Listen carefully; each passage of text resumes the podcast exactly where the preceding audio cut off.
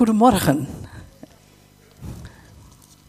Met de achtergrond van uh, het nieuws van gisteren uh, zat ik vanmorgen nog uh, de laatste keer de preek door te lezen en dacht ik, er is zoveel meer waar je ook wat over zou willen zeggen nu. En ik ben heel blij dat Wilma dat vanmorgen al gedaan heeft. Want ik ben niet voor niks hier. Ik vind het heel fijn om hier te mogen preken. Maar ik vind het ook heel fijn om hier te mogen zijn om het certificaat van Fairtrade bij jullie uit te mogen delen. Dat mag ik altijd doen, dat hoort bij mijn portefeuille. Dus als organisaties of bedrijven dat krijgen, dan ben ik altijd degene met wie je te maken hebt. En het leek mij goed, omdat je altijd kerk en staat moet scheiden, om dat dan aan het eind van de dienst te doen. Zodat jullie mij eerst meemaken als Marja, jullie zuster, zoals net werd gezegd. En daarna als Marja, de wethouder. Ik denk niet dat het veel verschil maakt, maar goed. Voor de wereld maakt het wat uit. Ik wil graag met jullie twee stukjes lezen. Het eerste is een psalm uit psalm 8. O Heer, onze Heer, hoe heerlijk is uw naam op de ganse aarde, gij die uw majesteit toont aan de hemel. Uit de mond van kinderen en zuigelingen hebt gij sterkte gegrondvest. Uw tegenstanders ten spijt. En waarom heeft hij dat gedaan? Om vijanden en wraakgierigen te doen verstommen. Aanschouw ik uw hemel, het werk van uw vingers, de maan en de sterren die gij bereid hebt. Wat is dan de mens dat gij hem gedenkt? Wat is het mensenkind dat gij naar hem omziet? En toch hebt gij hem bijna goddelijk gemaakt. U hebt de mens met heerlijkheid en met luister gekroond. U doet hem heersen over de werken van uw handen. U hebt alles onder zijn voeten gelegd: schapen en runderen, en ook de dieren des velds, de vogelen van de hemel, de vissen van de zee, en al hetgeen de paden van de zeeën doorkruist. Heer onze Heere, hoe heerlijk is uw naam op deze aarde. En dan is het zo mooi dat we eh, ook deze dienst mogen beginnen in de wetenschap dat onze hulp is in de naam van de Heere, die hemel en aarde gemaakt heeft, die trouw houdt tot een eeuwigheid en die nooit laat varen het werk dat zijn hand begonnen is. En dat ik u genade en vrede toe mag wensen in zijn naam.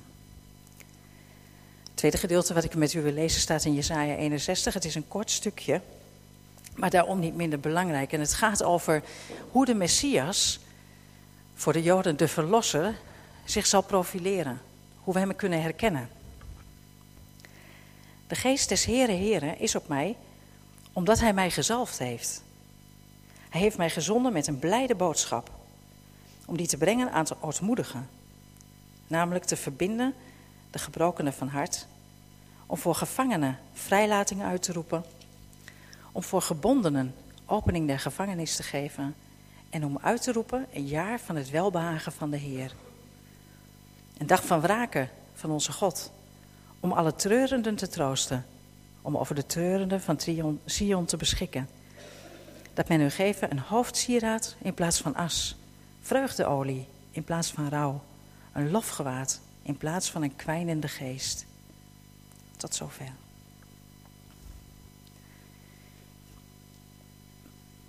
Nou is duurzaamheid op dit moment in de wereld een hot topic. Maar ja, wat moeten wij daarmee als christenen? is het niet meer iets voor uh, mensen met een linkse hobby? Ehm, heeft het eigenlijk wel iets met de Bijbel te maken? Ik krijg er best wel vaak vragen over. Ik weet nog dat toen ik net duurzaamheid in mijn portefeuille kreeg, iemand zei: Oh, dat is nou jammer, hè? dit heeft nou helemaal niks met geloven te maken. Ja, dus daar kun je niet zoveel mee. Ik dacht, nou, volgens mij valt dat nog wel wat mee. Dus ik vind het mooi om daar wat uh, grote gedachten in grote lijnen met jullie over te delen. Want eigenlijk staat de Bijbel vol over duurzaamheid.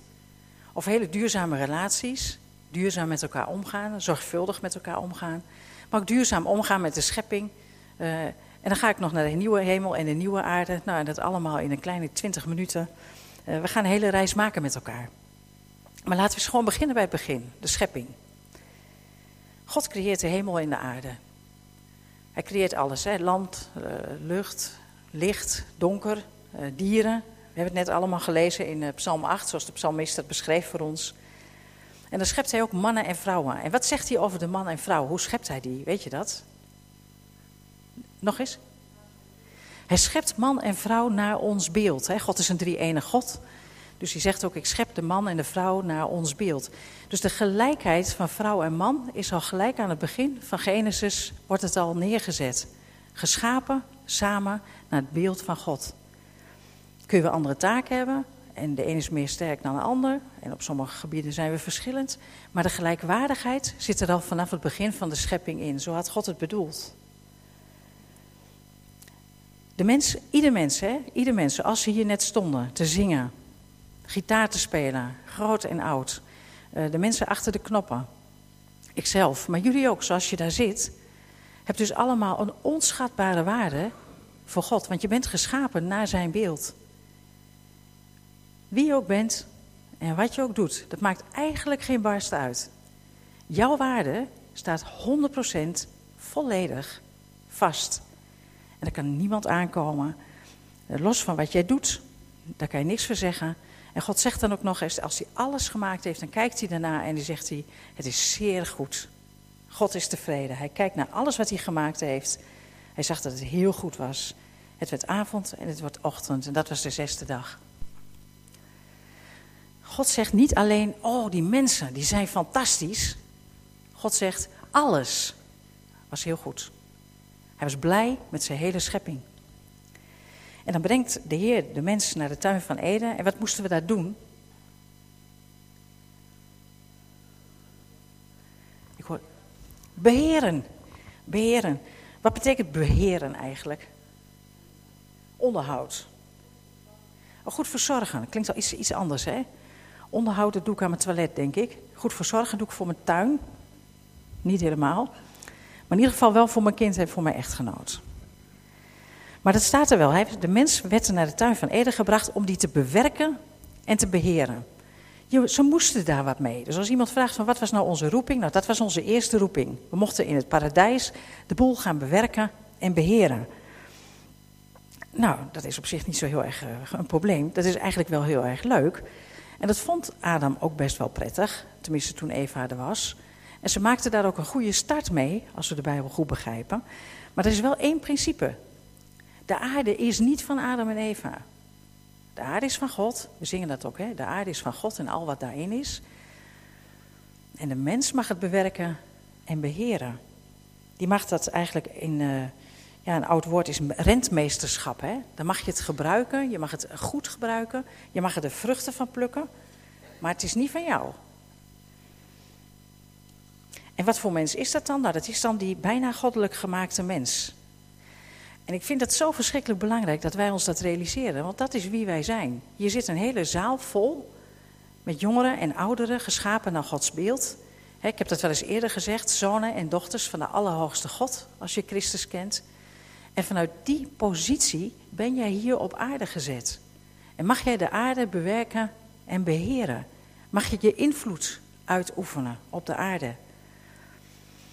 En dat betekent dat we eigenlijk als koningen goed voor deze aarde mogen zorgen. Ik weet zeker dat als ik nou onze koning zou interviewen en ik zou vragen van joh, hoe zou je nou Nederland achter willen laten na jouw koningschap? Dan weet ik eigenlijk wel zeker dat hij niet zal zeggen, nou slechter dan toen mijn moeder eh, afscheid nam dan hoopt hij natuurlijk ook dat hij het nog weer iets verder heeft gebracht. Dat hij Nederland iets verder heeft mogen brengen. Of dat hij Nederland goed heeft kunnen koersen door de spanningen waar we doorheen gaan. Met andere woorden, als wij de aarde krijgen in bruikleen, als koningen, als prinsen en prinsessen, dan mag je van ons verwachten dat wij op diezelfde zorgvuldige manier omgaan met de aarde. Wij mogen het gebruiken. We gaan het toch niet kapot teruggeven aan God? Of opgebruikt? of helemaal af. Maar eigenlijk zijn we dat wel aan het doen met z'n allen. Ik las op een internetsite: God creëerde de schepping en wij creëren er wat bij, namelijk afval en vervuiling. Iedere Nederlander, even wat cijfertjes, hè, komt niet nalaten. Iedere Nederlander produceert ongeveer, dus iedereen die hier zit, 561 kilo per jaar aan afval. Dus jij zorgt voor 561 kilo afval per jaar. Daarvan proberen we in Nederland, en daar zijn we gelukkig al heel ver mee in Friesland, 70% te hergebruiken. He, dus zit ook in mijn portefeuille, daar ben ik heel enthousiast over. Maar als we heel eerlijk zijn, dan zien we dat de manier waarop we energie aan het opwekken zijn, voedsel produceren. Weet u wat er allemaal in een koe gaat voordat u een stukje vlees op uw bord hebt liggen? En oh, oh, wat hou ik van het stukje vlees, laat ik daar heel helder over zijn. Maar er gaat nogal wat in, hè? Aan voedsel en vooral ook aan water. Uh, industrie, onze eigen consumptie, die zorgen voor, voor fijnstof. Je ziet het ook steeds vaker in de kranten. broeikasgassen. Gassen die bijdragen aan de opwarming van de atmosfeer. En op dit moment is uh, Marianne Minnesma, ik weet niet of u het volgt, van Urgenda, is op weg naar Parijs, naar de klimaattop. Om dit onder de aandacht te brengen, omdat de aarde aan het opwarmen is. En we dus van die rare stormen hebben, van die enorme hoosbuien, die onze Jolda niet aan kan. Dat moet u ook hebben in Drachten. Uh, en het heeft allemaal te maken met die klimaatveranderingen. De ijskappen, die smelten. Maar uiteindelijk is het niet dat de aarde dat zelf doet. Nee, dat doen wij met de aarde. Dus wij zijn op zo'n manier aan het leven dat we de aarde in heel snel tempo aan het uitputten zijn. Dan kennen jullie mij niet als een um, hel- en verdoemenispreker. Dat ben ik ook niet. Maar toen ik naar Marianne Minnesma luisterde uh, en zij haar verhaal vertelde over wat die klimaatopwarming betekent, dacht ik wel van zo, zij kon wel een hel- en verdoemenispreker zijn. Want wat zij beschrijft is dat de aarde binnen 20 jaar eigenlijk op is. En dan valt ook steeds vaker de eco-burn-out term. We zijn de aarde eigenlijk aan het uitbuiten. Um, even een paar dingetjes. Californië, nou we waren daar een paar jaar geleden nog.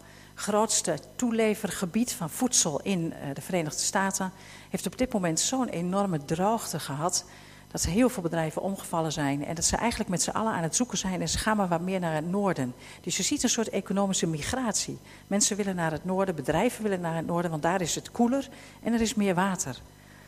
Mensen gaan dat ook doen, kun je je voorstellen. In Afrika is op dit moment de, de helft van de cacao- en koffiehandel, ik moet anders zeggen, de koffie en de cacao die daar geproduceerd is, is gehalveerd. Door de opwarming van de aarde. Te weinig water, te veel droogte.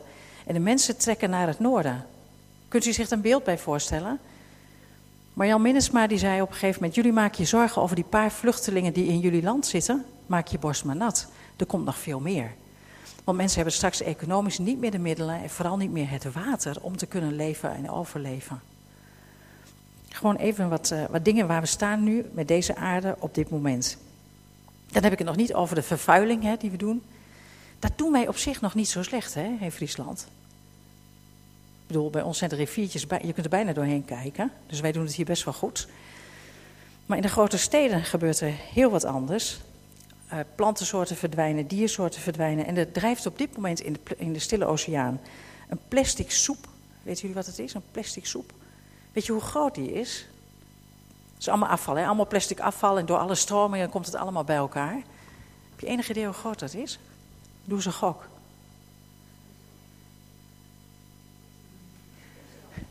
Zo groot als Friesland, wordt er gezegd. Groter dan Friesland. Het, is, het, is, het heeft nu uh, ruim uh, de afmeting van Nederland in zijn geheel. Dus geen probleem. Geen probleem, die soep. Vinden, vinden mensen, hè? Vinden mensen. Nederland is maar een klein landje, landje, niet waar. Maar als je je voorstelt dat dus heel Nederland aan plastic daar drijft. Ja, dat, is, dat is al niet meer te hanteren. Hè? Weten we eigenlijk niet meer goed wat we daarmee moeten doen. We proberen het nou een beetje bij elkaar te houden. Dat is niet al te veel. Maar je kunt je voorstellen dat het dieren dat eten. En dat ook het hele systeem van diertjes, dat gaat helemaal naar de galamiezen. En waar vroeger de kleine beestjes nog de dingen konden eten en uiteindelijk de grote beesten de kleintjes aten. En aan het eind van die lijn staan wij, hè, over het algemeen. Dus we zien ook bij ons allerlei rare ziektes die te maken hebben met hormonen, met gekke dingen die overal in de natuur opduiken, maar die wij persoonlijk als mensen er zelf eerst inpluggen. Dus we zijn aardig aan het vernielen, als ik het zo mag zeggen. En dan hebben we het uh, tegen de achtergrond van Parijs, hè, waar dan straks die grote klimaatconferentie is. Die is één keer in de zoveel jaar. En het, eigenlijk vind ik het altijd teleurstellend wat eruit komt. Maar goed, dat zal nu niet anders zijn, verwacht ik. Hebben we dan TTIP, ik weet niet of je daar wel eens over gehoord hebt, maar een groot vrijhandelsverdrag wat ondertussen gesmeed wordt tussen Europa en de Verenigde Staten, waarin allerlei wetten worden veranderd, zodat we zometeen niet plofkippen hebben, maar chloorkippen. Nou, ik kan nog even doorgaan. Kortom, ons hele milieu ons ecosysteem, maar mag ik het even anders zeggen, Gods schepping, uh, die, die, eh, die staat eigenlijk in brand. En we gaan daar heel makkelijk mee om.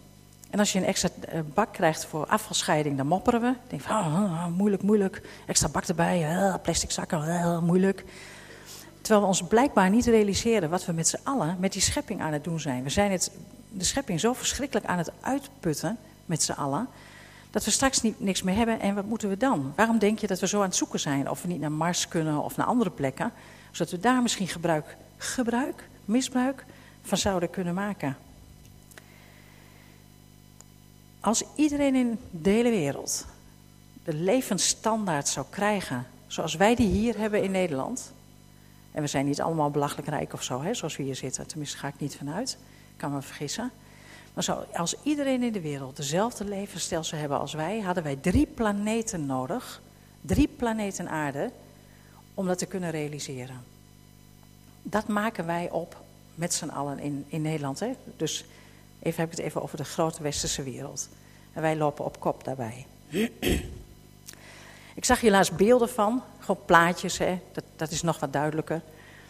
En ik zat erbij en ik keek naar en ik dacht, oh wat is dit zonde. Wat zijn wij de schepping aan het vernielen. En dan zonde in de diepe zin van het woord van je doel missen. En dat is het ook. Want we zijn ons doel met de aarde aan het missen. En eigenlijk zijn we dat doel al aan het missen vanaf de zondeval. Waar die hele diepe verbondenheid van mannen aan vrouwen, uh, van God aan mensen, maar ook van de mensen aan de aarde kapot ging. Want daar gingen we ons verheffen boven de rest. Toen dachten we dat wij de baas waren, dat wij het zelf wel konden. En dan zie je ook dat het ook met die verbondenheid met de aarde misgaat. En wat moeten wij daar dan mee? Hè? In Hosea staat: Hoor het woord van de Heere, zonen van Israël, of mensen van deze gemeente. De Heer heeft een aanklacht tegen de bewoners van het land. Er bestaat geen trouw en er bestaat geen liefde meer. Er is geen kennis van God meer in dit land. Ze zweren en liegen, ze moorden, ze stelen en ze echt breken. Het is aan de orde van de dag. En de bloedbaden die volgen erop op bloedbad. En daarom, en dat vind ik zo'n wonderlijke, daarom droogt het land uit en kwijnen al zijn bewoners weg. De dieren op het veld, de vogels in de lucht en de vissen in de zee, ze komen om. Iedere keer opnieuw vind je van deze teksten, kan de zaten veel meer kunnen gebruiken, maar dan duurt het te lang. Er zijn zoveel teksten in de Bijbel waarin heel duidelijk staat dat wat wij aan het doen zijn in ons leven verbonden is met hoe wij omgaan met de aarde. En het lijkt wel dat naarmate wij zelf meer luxe hebben en meer, het meer lekker hebben in ons leven, de aarde ons minder kan schelen. En we daardoor ook steeds meer de zorg, de echte zorg die we zouden moeten hebben voor de aarde, dat we die kwijtraken. En dat laat God niet koud, hè? Ik heb nog even getwijfeld of zal ik die tekst gebruiken of niet. Want hoe, hoe serieus kijkt God daar naar? Hoe, hoe belangrijk is die schepping? Hoe belangrijk zijn jij en ik? Hoe belangrijk zijn dieren en het milieu? Nou, jullie kennen het boek Openbaring wel. Die geeft ons een soort doorkijkje hè, naar het laatste der dagen. We krijgen een doorkijkje ook naar het oordeel. Als we voor God staan en mogen vertellen waarom we gedaan hebben wat we gedaan hebben. En dan gaat het op een gegeven moment ook over de toorn van God en hoe God daarnaar kijkt. En dan zegt hij, de volken waren in toorn ontstoken. Nou ja, daar zitten we bijna nu al mee in. Maar dan is ook uw toorn ontbrand. En de tijd is gekomen om niet alleen de doden te oordelen, maar ook u, sorry, en aan, en, sorry, de doden te oordelen en om het loon aan uw dienstknechten, de profeten, te geven, aan de heiligen en aan hen die ontzag hebben voor uw naam, aan kleine en grote. En dan komt het, en om hem te verdelgen die de aarde verdelgden. Ik heb dat drie keer gelezen. Ik denk, staat het daar nou zo zwart-wit? Staat het daar in het Grieks ook zo erg? Maar ik kon er niks anders van maken. Het gaat God aan het hart hoe we met elkaar omgaan. Het gaat God aan het hart hoe we met deze planeet omgaan. En wanneer we daar niet op een goede manier mee omgaan, komen we God daar ook in tegen. Maar zeggen mensen dan wel eens van ja, maar weet je maar, ja, dat is het Oude Testament. Dat is het Oude Testament, joh. Wij zijn nieuwtestamentische christenen, dus daar houden we ons niet meer zo bezig. Het is ook een beetje raar dat je alleen maar teksten uit het Oude Testament leest. Hè? Ja, daar, kun je mooi de boodschap aan ophangen, maar dat is natuurlijk niet de bedoeling. Maar dan heb ik toch een andere boodschap. Het Nieuwe Testament is gebaseerd op Gods genade. Alles wat er gebroken en verbroken is in de wereld, wil God herstellen. En hij weet ook wel dat wij dat niet zelf kunnen. Dus hij geeft daar zijn zoon voor. er staat in de Bijbel, zoveel heeft God van de wereld gehouden, dat hij zijn enige geboren zoon geschonken heeft, zodat dan ieder in hem, die in hem gelooft niet verloren gaat, maar eeuwig leven bezit. Want God heeft zijn zoon niet naar de wereld gezonden om de wereld te veroordelen, maar om door hem de wereld te redden. Hoor je dat hier al wereld staat en geen mens? Wij lezen dit heel vaak alleen maar alsof het over mensen gaat. Hè? Al zo lief heeft God de mensen gehad. Nee, God heeft de wereld lief gehad. Alles, zijn schepping. Ik weet niet of zijn hier mensen met locomotiefjes en treintjes die, die, daarmee, uh, die dat in huis hebben, zo'n treinbaan? Ja? Hoe zou je het vinden als iemand daar bovenop springt en daar even wat dingen uittrekt?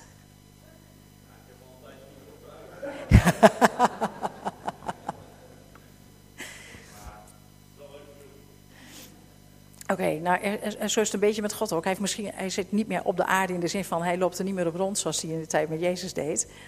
Uh, dus in die zin is hij misschien, lijkt hij iets verder af. Maar je zei, het is wel leuk speelgoed, dus het is toch eigenlijk wel mooi. Wij zouden het niet leuk vinden als iets van ons vernietigd, vernield wordt. En toch gaan wij met de schepping blijkbaar heel makkelijk om. Maar hier staat, God heeft van de wereld gehouden. Zoveel dat hij zijn enige geboren zoon gegeven heeft. Niet de mensen alleen, maar de, die reddende liefde van God beperkt zich niet tot ons hoor. Laten we onszelf ook niet al te hoog in de, hemel prijzen. Die liefde is bedoeld voor de hele schepping. Nou, uh, Romeinen 8. De schepping verlangt vurig naar de openbaarmaking van de kinderen van God. Niet de mens, de schepping verlangt naar de openbaarmaking van de kinderen van God. Uh, maar ze is niet zonder hoop, want ook de schepping zal verlost worden uit de slavernij van vergankelijkheid. Ze zal delen in de glorie van de vrijheid van Gods kinderen. Het gaat om de hele schepping. Mensen met zo'n verhaal als gisteren, dan denk ik, we zijn met z'n allen aan het zuchten. Er gaan dingen mis. Er gaan niet alleen in de schepping dingen mis, er gaan dingen mis in hoe we met elkaar omgaan. Wij zuchten, we zuchten, we verlangen. We verlangen naar die openbaarmaking van God, naar die vrede van God, naar die shalom. En dat doet de hele schepping met ons mee. En dat geeft wel een bijzondere gedachte. Want eigenlijk is God dan de vernieuwer van de hele schepping. En hoe verhoudt zich dat dan tot het maken van een nieuwe schepping, een nieuwe hemel en een nieuwe aarde? Nou, eigenlijk is het wel heel mooi. God zegt aan de ene kant dat hij de verlosser geeft door zijn zoon. En daardoor dus eigenlijk de hele mensheid vrijspreekt. Maar ook de hele schepping vrijspreekt van zonde en van de gevolgen van de zonde. Betekent dat dan dat er een nieuwe hemel en een nieuwe aarde komt en dat we de oude wegwerpen? Of niet? Maakt wel uit, hè? Want als ik toch denk dat God wel weer een hele nieuwe hemel en een nieuwe aarde gaat maken en hij spreekt en er is weer wat nieuws, dan maakt het niet zoveel uit hoe ik met de oude aarde omga. Maar als ik geloof dat God gaat herscheppen uit wat er is en daar wat nieuws uitmaakt, net zo goed als God jou en mij heeft herschapen in een nieuwe schepping, ik ben nog steeds Maria, maar ik heb ook een geestelijke dimensie erbij gekregen. Dan wordt het ook een ander verhaal voor de aarde. Ik ga ervan uit dat als in Jezaja zegt, zoals de nieuwe hemel, de nieuwe aarde die ik maken zal, voor mijn aangezicht zullen blijven bestaan, zo zal uw nageslacht en uw naam blijven bestaan. Die nieuwe hemel en die nieuwe aarde, het woord wat daar wordt voor gebruikt, is een woord wat betekent hernieuwen, vernieuwen. Het is uit het oude wat nieuws maken. Mensen, God gaat uit het oude wat nieuws maken. En misschien het meest, het meest dichtbije voorbeeld wat wij kennen uit de Bijbel is het verhaal van de Heer Jezus die gestorven is, opstaat en dan verschijnt hij bij zijn discipelen. En waardoor, jullie weten waarschijnlijk wel waardoor de discipelen hem herkenden. Thomas, wat wou Thomas zien? Thomas zei, ik geloof het pas. Ik geloof pas dat Jezus is opgestaan. Thomas was een, reis, een rastwijfelaar. Als ik de wonden in zijn hand zie en als ik de wond in zijn zij zie waar ze die speer in hebben gestoken. En het was allemaal zichtbaar. Toch was Jezus nieuw. Hij had een andere dimensie. Hij kon zich bewegen door de tijd en door de snelheid. Maar het was nog wel steeds de Heer Jezus. Maar die vernieuwing geldt ook voor de aarde. Wij zijn een nieuwe schepping. En we mogen uitkijken naar de nieuwe schepping die gemaakt wordt van deze aarde. Dat is een mysterie. Het is oud en het is toch ook weer nieuw. Nou, als dat beeld dan waar is, wat betekent dat dan voor ons in ons omgaan met Gods schepping?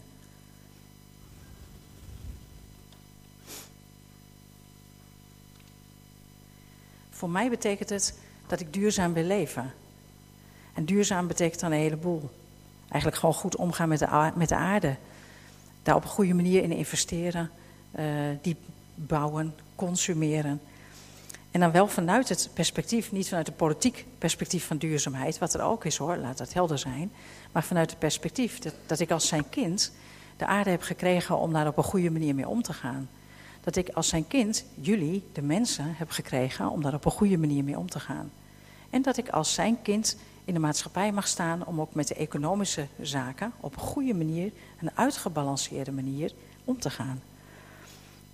Nou, uh, je krijgt nu even de kans. Je hebt uh, allemaal wel iemand naast je zitten. Als het niet zo is, dan, uh, dan ga je maar even ergens naast zitten. Wat zou jij nou kunnen doen in het kader van duurzaamheid om goed om te gaan met die schepping? Dus wil je er even met elkaar over praten? Wie mag ik als eerste even horen? Ja? Biologisch vlees eten. Dat is één. Minder. Minder vlees eten. Consuminderen. Ja?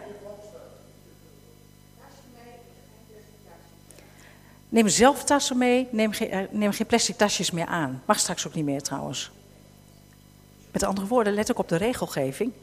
En ik ben een beetje eens hoor, daarom is T-tip ook iets om in de gaten te houden. Want dat werkt dat in de hand. Ja, klopt. Nog meer wat we kunnen doen, zelf kunnen doen. Fietsen. Hoe simpel kan het zijn? Nog meer. Zonnepanelen. Ja. biologische wasmiddelen. Ja. Ga even staan. Neem, neem groene, groene energieleverancier.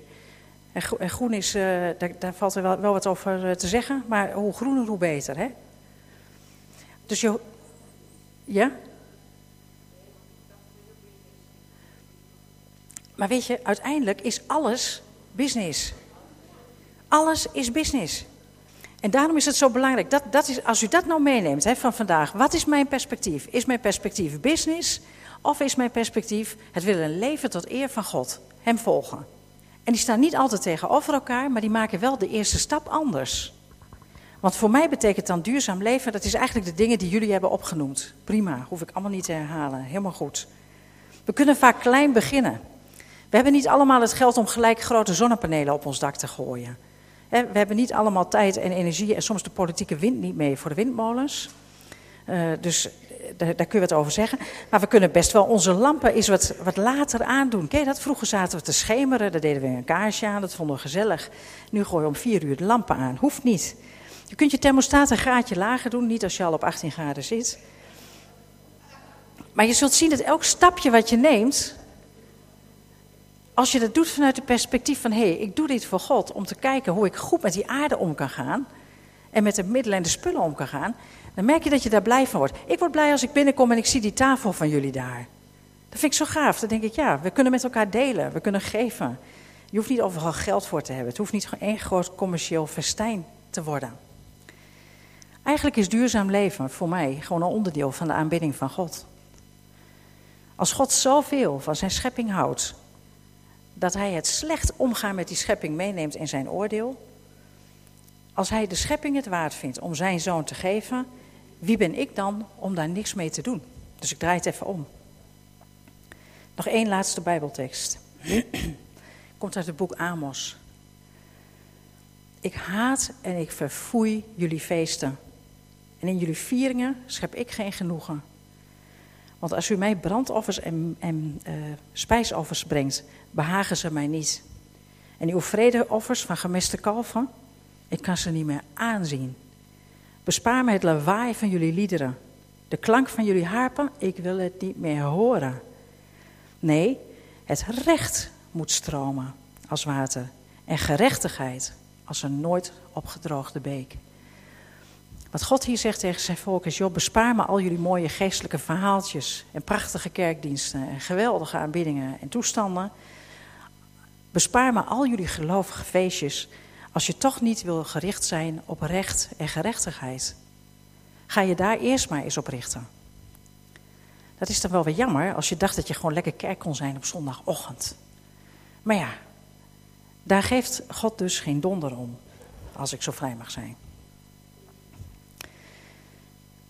God heeft geen zin in gelovige feestjes.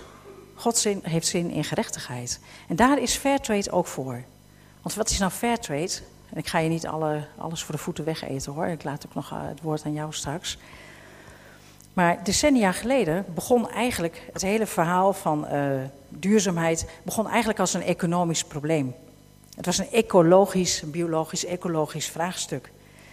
En jullie kennen vast wel de vergelijking Profit, Planet, People want dat staat vaak, gaat, gaat het vaak over de drie P's.